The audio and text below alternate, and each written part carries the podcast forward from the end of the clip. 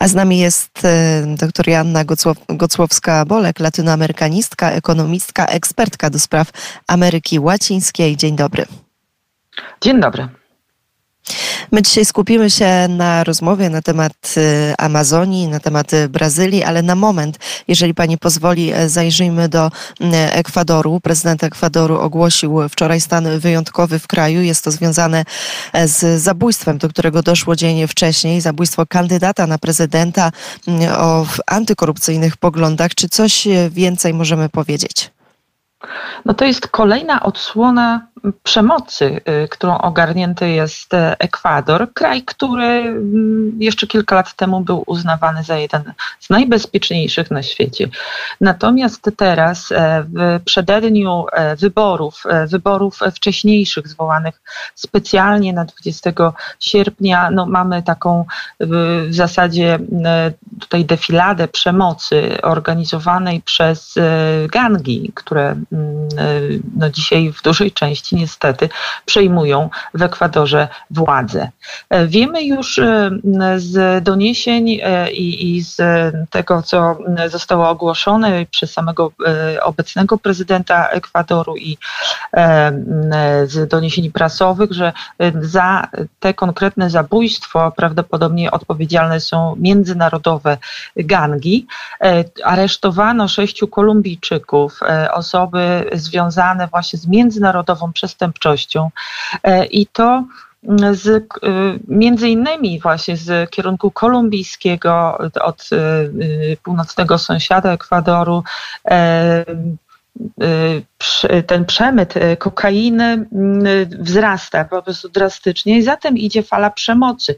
To jest przemoc zorganizowana, prowadzona przez międzynarodowe gangi w Ekwadorze od kilku lat. Obecne są też E, międzynarodowe kartele meksykańskie, ale też bałkańskie.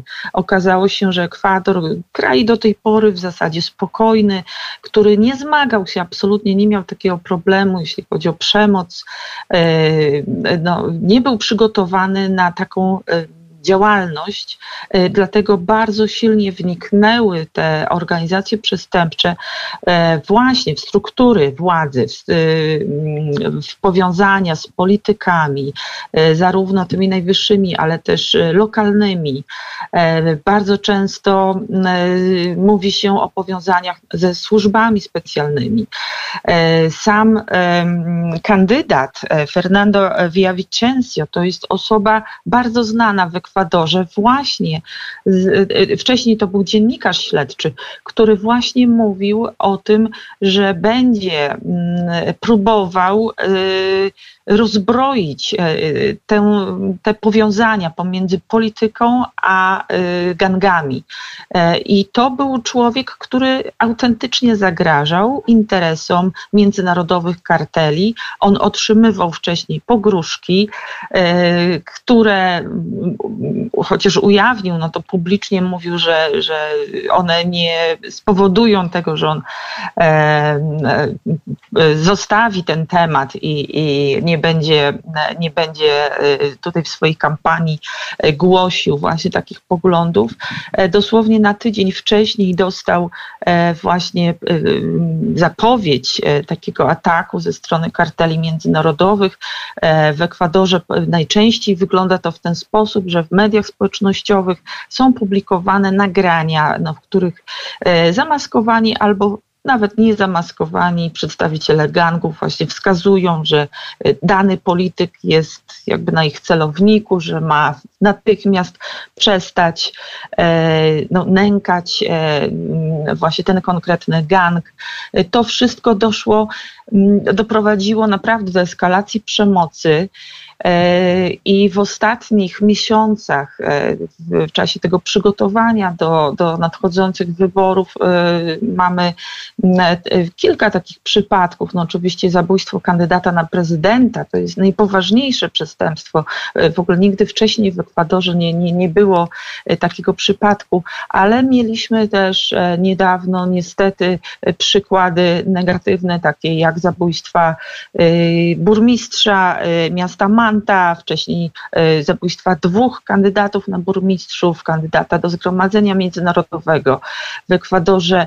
Niestety obserwujemy wzrost takiej przestępczości, która wcześniej no, była udziałem w latach 80. w Kolumbii, w latach 90. w Meksyku, a więc czegoś, co doprowadziło do narkopaństwa e, e, jako e, takiej formy współdziałania właśnie tych karteli międzynarodowych z polityką. I to jest bardzo niebezpieczne zjawisko, a jeszcze tym bardziej, że w, w, w przypadku Ekwadoru pogłębiło się w ciągu ostatnich pięciu lat dosłownie.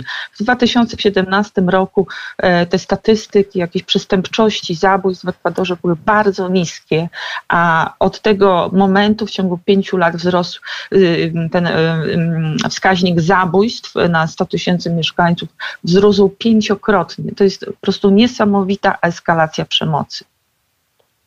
I o tej eskalacji faktycznie ta, ta, ta, informacja e, wstrząsnęła, wstrząsnęła światem. Pani doktor, to jeszcze tylko jedno pytanie, aby już zamknąć temat Ekwadoru. Czy pomimo wprowadzenia przez e, prezydenta no, tego stanu wyjątkowego, który ma obowiązywać e, przez 60 dni wybory prezydenckie i tak odbędą się zgodnie z planem 20 e, e, sierpnia. No i też pytanie, czy istnieje taka możliwość, że ktoś zostanie, że jakieś śledztwo będzie rzetelnie przeprowadzone i ktoś zostanie pociągnięty do odpowiedzialności, czy też istnieje takie ryzyko, że to po prostu no, morderstwo polityczne, które pozostanie bezkarne? Wybory mają się odbyć zgodnie z planem 20 sierpnia. E, obserwatorzy również z Unii Europejskiej są tam obecni. E, dzisiaj jest również na, na polecenie e, obecnego prezydenta, jest obecne wojsko, policja w, na ulicach Ekwadoru, zwłaszcza właśnie w stolicy Quito, ale też w mieście, który jest ogarnięty w największym stopniu przemocą, czyli Guayaquil. To jest miasto portowe, jeden z najważniejszych no, portów handlowych, ale też miejsc przerzutu tych narkotyków i miejsce działalności e, gangów. E, wydaje się, że te wzmożone środki bezpieczeństwa no, będą w stanie po prostu doprowadzić do tego, aby te wybory się odbyły, żeby ludzie nie bali się pójść e, zagłosować.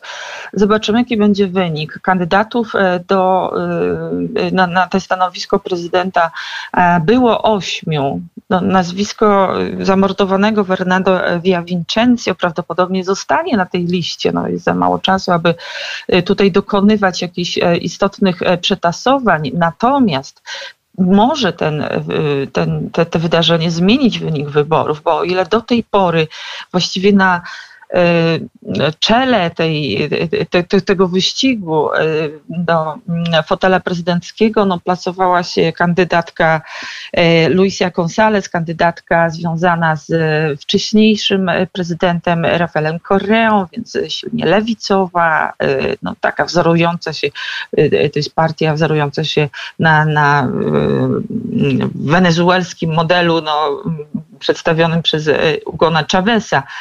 Natomiast e, po tym e, morderstwie wydaje się, że e, no, nastroje Ekwadorczyków jednak są tutaj no, bardzo gorące, może się to przeważyć na rzecz kandydatów bardziej prawicowych, ale takich, którzy mówią właśnie też o zwalczaniu e, przemocy zorganizowanej. E, prawdopodobnie w takim razie, oczywiście zobaczymy, bo to są tylko tutaj moje e, dywagacje, ale prawdopodobnie no właśnie ta kandydatka Luisa González może nie osiągnąć 50% głosów w pierwszej turze.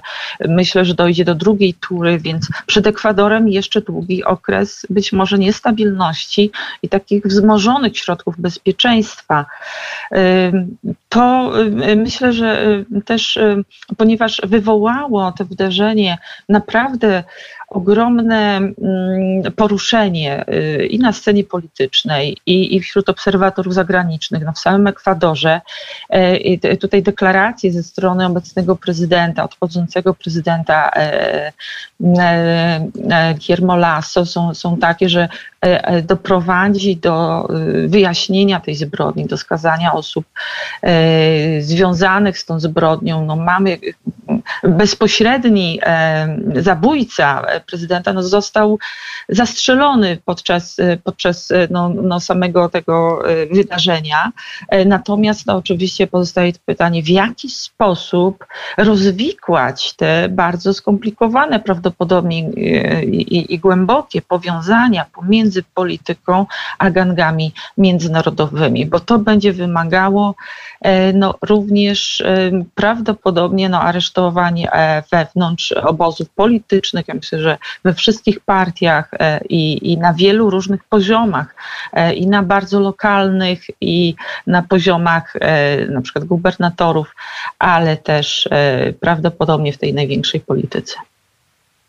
I my oczywiście będziemy w stronę e, Ekwadoru jeszcze spoglądać, ale teraz e, na moment przyjrzyjmy się podsumowaniom, konkluzjom, jakie płyną mm, ze szczytu w sprawie Amazonii, który był zapowiadany no, jako wielki, miał być wielkim sukcesem, przełomem dla, e, dla zagrożonych lasów deszczowych. No i jak po tym wydarzeniu? Czy możemy uznać, że to jest jakiś przełom, jest jakiś sukces, czy może trochę, trochę mm, takie zawiedzione, mocno i szeroko zapowiadane spotkanie, które jednak tego przełomu nie przyniosło? Mam mieszane uczucia po tym e, szczycie. On był bardzo ważnym wydarzeniem, oczekiwanym rzeczywiście, dlatego że od 14 lat e, kraje, e, e, na terenie których leży Amazonia, no nie miały mm, takiej okazji, aby ze sobą porozmawiać, a przecież tematów wspólnych, tematów trudnych dotyczących współpracy regionalnej jest bardzo dużo. E, oczywiście przede wszystkim szczyt dotyczył e, ochrony e, lasów deszczowych e, w tych ośmiu e, krajach, w zasadzie w dziewięciu, tak, bo tam e, czy, czy dziewiąte to jest terytorium zależne, to jest Gujana Francuska, więc przedstawiciel Francji również był obecny. Myślę, że to jest ważne, że, że, że tam byli też przedstawiciele właśnie z, z Europy. E, natomiast nie udało się uzgodnić wspólnego celu, jakim miało być e, podjęcie takiej deklaracji, e, jak zakończenie wylesiania do 2030 roku. Boliwia i Wenezuela nie podpisały się pod tą deklaracją nie przyjęły e, takiego zobowiązania, e, więc takiej jednomyślności nie ma. E, z drugiej strony, no takie kraje jak Brazylia, no, która przewodniczyła temu szczytowi i była, w ogóle szczyt był zwołany na przez, przez Lula da Silva na terenie Brazylii, na terenie właśnie miasta leżącego w Amazonii.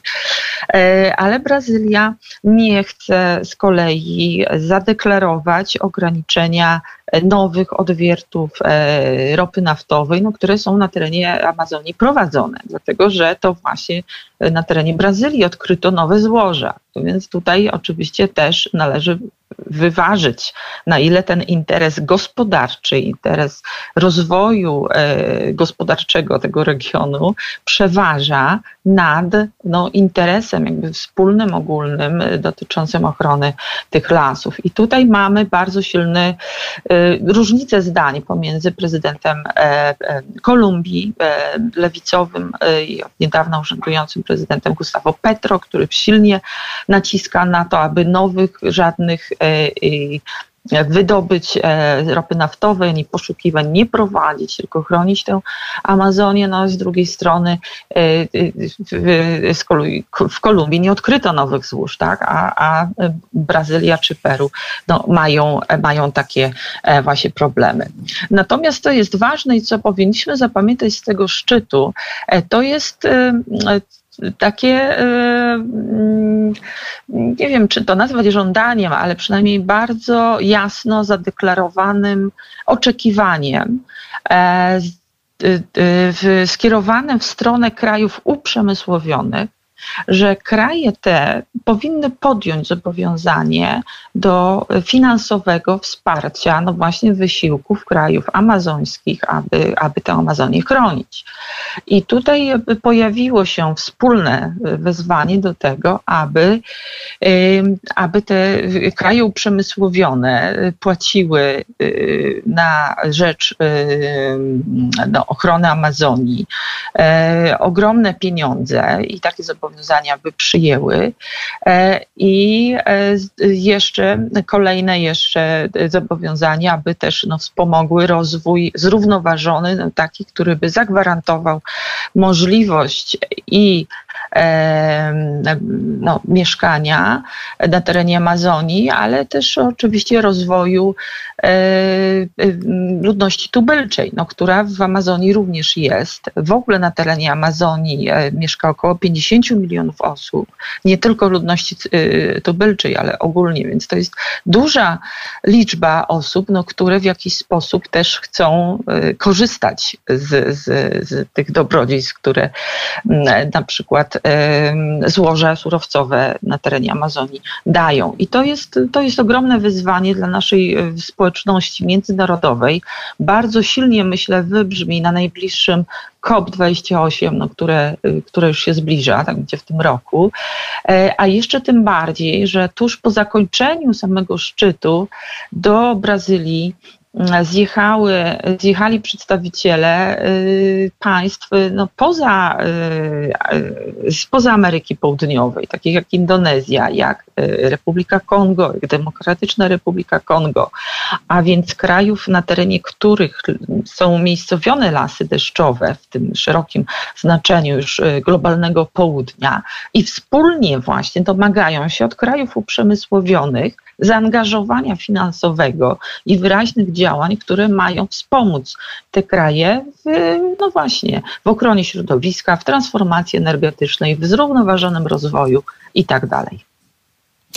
Pani doktor, mm, teraz takie jedno pytanie troszeczkę na marginesie. Czy ma Pani jeszcze dla nas trochę czasu? Bo byliśmy mówione na 15-minutową rozmowę, ale mam informację, że Jakub Wiech, który też miał być gościem poranka wnet, jest już gdzieś w drodze na lotnisko. Z nim rozmowę przełożymy na przyszły tydzień. Czy jest e, jeszcze Pani dyspozycyjna dla słuchaczy Radia Wnet przez najbliższe O Ameryce 10... Łacińskiej zawsze z przyjemnością, więc e, słucham tematów... kolejnych pytań. Dokładnie, a tematów mamy bardzo dużo. To może na moment y, spójrzmy na kwestię y, surowców, przecież które Ameryka, kraje Ameryki y, Łacińskiej są bardzo bogate. Lit na przykład, kluczowy przecież do produkcji akumulatorów samochodów, do samochodów elektrycznych, tak potrzebny też dzisiaj państwom na przykład Europy Zachodniej. W, aż połowa światowego wydobycia właśnie ma miejsce w Ameryce Południowej, no ale ostatnio te kraje nieco się zbuntowały, przekazały, że chciałyby przetwarzać ten wydobyty surowiec we własnych e, zakładach, no i sprzedawać już gotowe produkty, oczywiście za e, dużo większe e, kwoty. Czy na przykład taka zapowiedziana przez Chile nacjonalizacja przemysłu litowego w ogóle jest Pani zdaniem możliwa? No właśnie, jeżeli mówimy o tym rozwoju w, w kierunku no, czegoś nazywamy zielonymi energiami, przekształcenia energetycznego i tak dalej, no to lit jest kluczowym pierwiastkiem. Mówisz, że to jest te białe złoto, które będzie, odgrywa już dzisiaj, tak, i będzie odgrywać coraz większą rolę. I tu Ameryka Łacińska ma do, do odegrania naprawdę ważną rolę, zwłaszcza takie kraje jak Boliwia, Argentyna i Chile, na terenie których łącznie najprawdopodobniej zlokalizowane przynajmniej 60% światowych zasobów litu. E, to jest ogromna, mm, ogromny potencjał do wykorzystania przez te kraje. Tylko, że jak, jak pokazuje e, historia, do tej pory w Ameryce Łacińskiej no niezbyt szczęśliwie e, były rozgrywane dla lokalnych społeczności, dla, dla lokalnych gospodarek kwestie właśnie tych olbrzymich złóż e, surowców, no bo Ameryka Łacińska jest bogata właściwie no, we wszystkie pierwiastki z tablicy Mendelejewa. To jest kwestia oczywiście odpowiedzialnego Y, wydobycia, odpowiedzialnego potem wykorzystania tych, y, te, tego potencjału.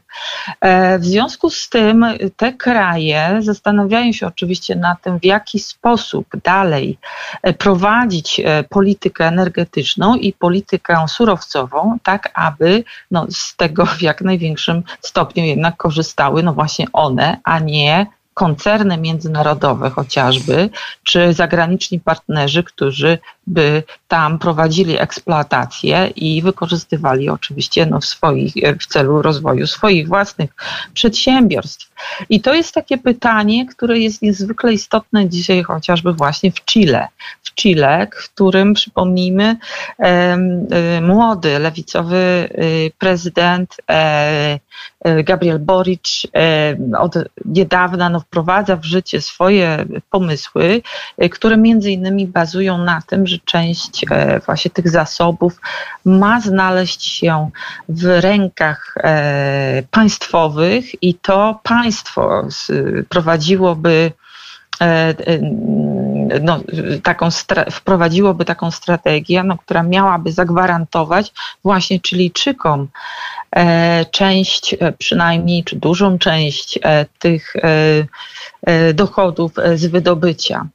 Chile to jest ten kraj, który prywatyzację posunął w największym stopniu do przodu e, i znany jest z, z tego no już od, od dziesięcioleci, od roku 73, no, który kojarzy się oczywiście przede wszystkim z przewrotem pinochetowskim, tak, ale to jest moment też, w którym jakby bardzo odważnie i we wszystkich w zasadzie dziedzinach wprowadzono prywatyzację. W Chile sprywatyzowana jest nawet woda, więc e, tutaj e, z jednej strony Chilijczycy są mocno przyzwyczajeni do tego, że wszystko jest prywatne, a z drugiej strony, no chociażby właśnie sprywatyzowanie tych zasobów wodnych y, pokazało, no jak absurdalne to jest no, dla osób mniej y, słabiej uczestniczących w, w, tych dobrodziejstwach gospodarki rynkowej. I stąd ten pomysł.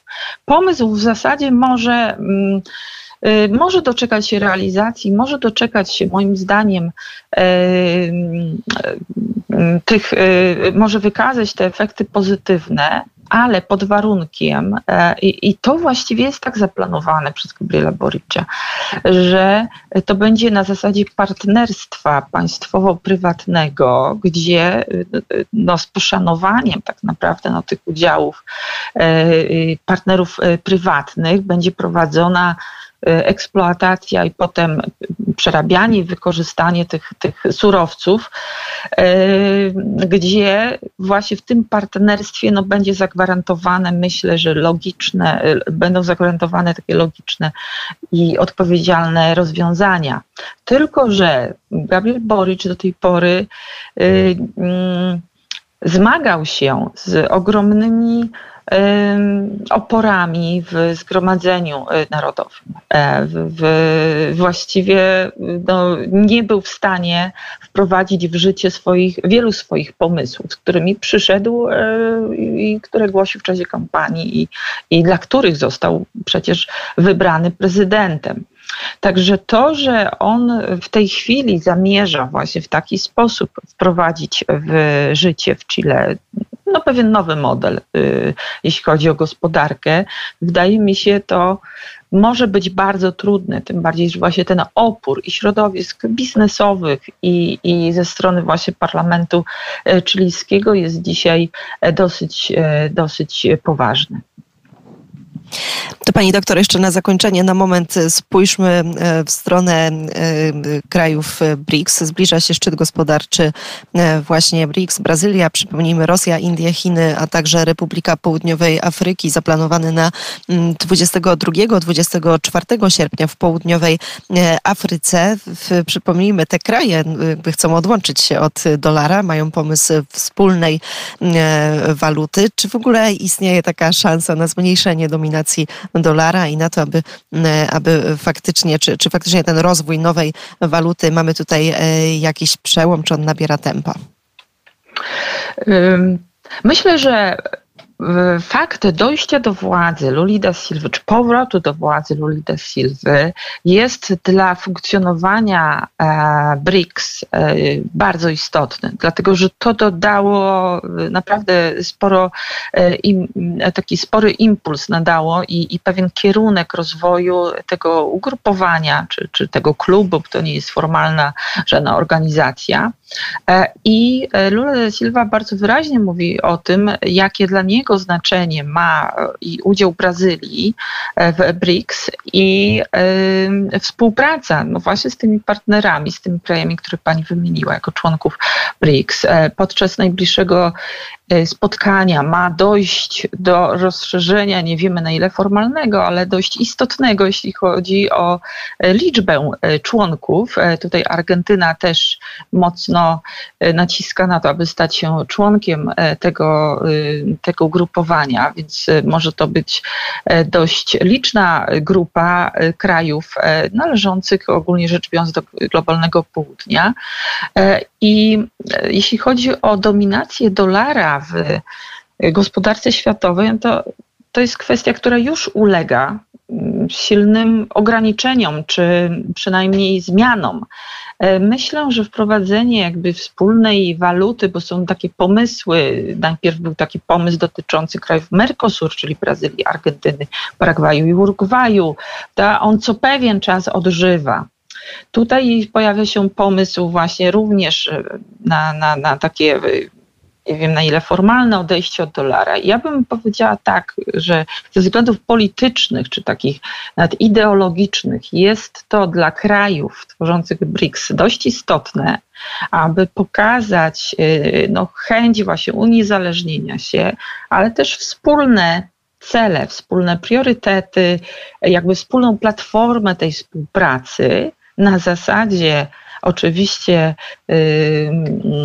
pewnej opozycji do Stanów Zjednoczonych, no bo to jest klub jednak, który tutaj bardzo silnie wskazuje na to, że to są ośrodki, e, tak mówilibyśmy, że wielobiegunowość, tak, ale to są ośrodki e, spoza tych krajów zachodnich, no, które zaczynają odgrywać coraz większą rolę w gospodarce światowej, prawda? I na tych nutach tutaj bardzo silnie e, myślę, że będą te kraje grać.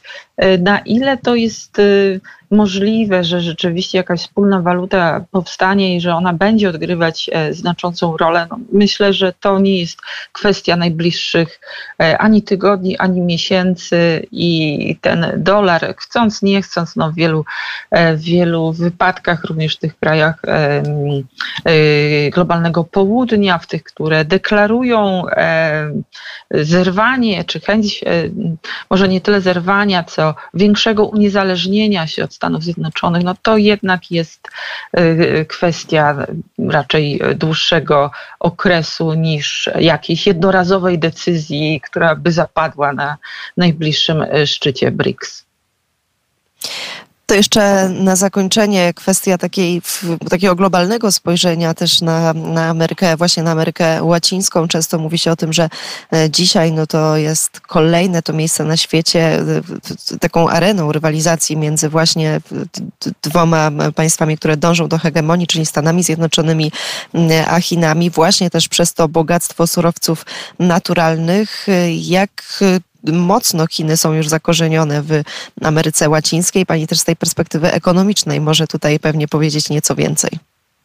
No to spójrzmy od strony ekonomicznej najpierw, bo rzeczywiście Chiny stały się najważniejszym partnerem handlowym w Ameryce Łacińskiej, w, większości krajów, no z wyjątkiem na przykład Meksyku, który, który wciąż no tutaj w tym partnerstwie ze Stanami Zjednoczonymi i z Kanadą jest e, silnie ulokowany, tak, ale pozostałe kraje bardzo silnie wykorzystują tę obecność Chin i przede wszystkim Chiny wykorzystują e, swoje możliwości, swój potencjał do tego, aby właśnie zdominować handel, aby również prowadzić inwestycje, zwłaszcza w duże e, projekty infrastrukturalne, które w innym układzie przecież by nie powstały, bo takich pieniędzy e, ani Stany Zjednoczone, ani Unia Europejska na przykład no nie są w stanie, nie chcą na, na dane, w, w danym momencie no w takiej ilości wyłożyć. Także ta obecność Chin jest rosnąca, zmienia się mniej więcej od 20 lat. Pierwsza dekada obecnego stulecia to był naprawdę spektakularny, e, bardzo dynamiczny wzrost obecności Chin w regionie e, z racji właśnie pozyskiwania tych surowców, które Chiny potrzebowały do rozwoju swojej własnej gospodarki. Jednak dzisiaj ten impet nieco słabnie. No, z jednej strony dlatego, że w ogóle wyhamowuje e, gospodarka Chin, a z drugiej strony jednak no, pewne starania ze strony chociażby Unii Europejskiej są podejmowane. Myślę, że one mogą być skuteczne. Niedawno mieliśmy też szczyt e, na początku, w połowie lipca, tak szczyt pomiędzy Unią Europejską a krajami wspólnoty Ameryki Łacińskiej i Karaibów i tam padły pewne deklaracje dotyczące E, inwestycji, które Unia Europejska zamierza prowadzić, inwestycji myślę, że rozsądnych e, w nowe technologie, w transformację energetyczną, właśnie projekty infrastrukturalne, ale też chociażby w edukację tak, co jest niezwykle istotne. I tutaj w tych obszarach niekoniecznie Chiny e, są jakimkolwiek e, kontrkandydatem do tych inwestycji, bo one nie, nie byłyby e, zainteresowane. Więc to jest dynamiczny układ. I z jednej strony rzeczywiście Ameryka Łacińska stała się polem otwartej rywalizacji pomiędzy Stanami Zjednoczonymi i Chinami. Z drugiej strony jest to dynamiczne. Ameryka Łacińska szuka swojego własnego miejsca. I myślę, że to powinniśmy z tego odczytać i to uszanować, że Ameryka Łacińska chce prowadzić politykę, którą nazywa niezależną, autonomiczną i z tym też wiąże się na przykład y, brak chęci do uznania tutaj no, naszej europejskiej tak, wizji, jeśli chodzi o stanowisko wobec y, wojny w Ukrainie i wobec y, agresji Rosji. I tutaj pani doktor na razie postawimy kropkę. Jeszcze chyba tematów nam się wyczerpać nie udało, ale wydaje mi się, że już sporo dziś, mm, sporo dziś informacji naprawdę przekazaliśmy. Bardzo serdecznie dziękuję. Doktor Joanna Gocłowska-Bolek, latynoamerykanistka, ekonomistka, ekspertka do spraw właśnie państw Ameryki Łacińskiej była gościem poranka wnet. Jeszcze raz dziękuję za rozmowę. Bardzo dziękuję za zaproszenie.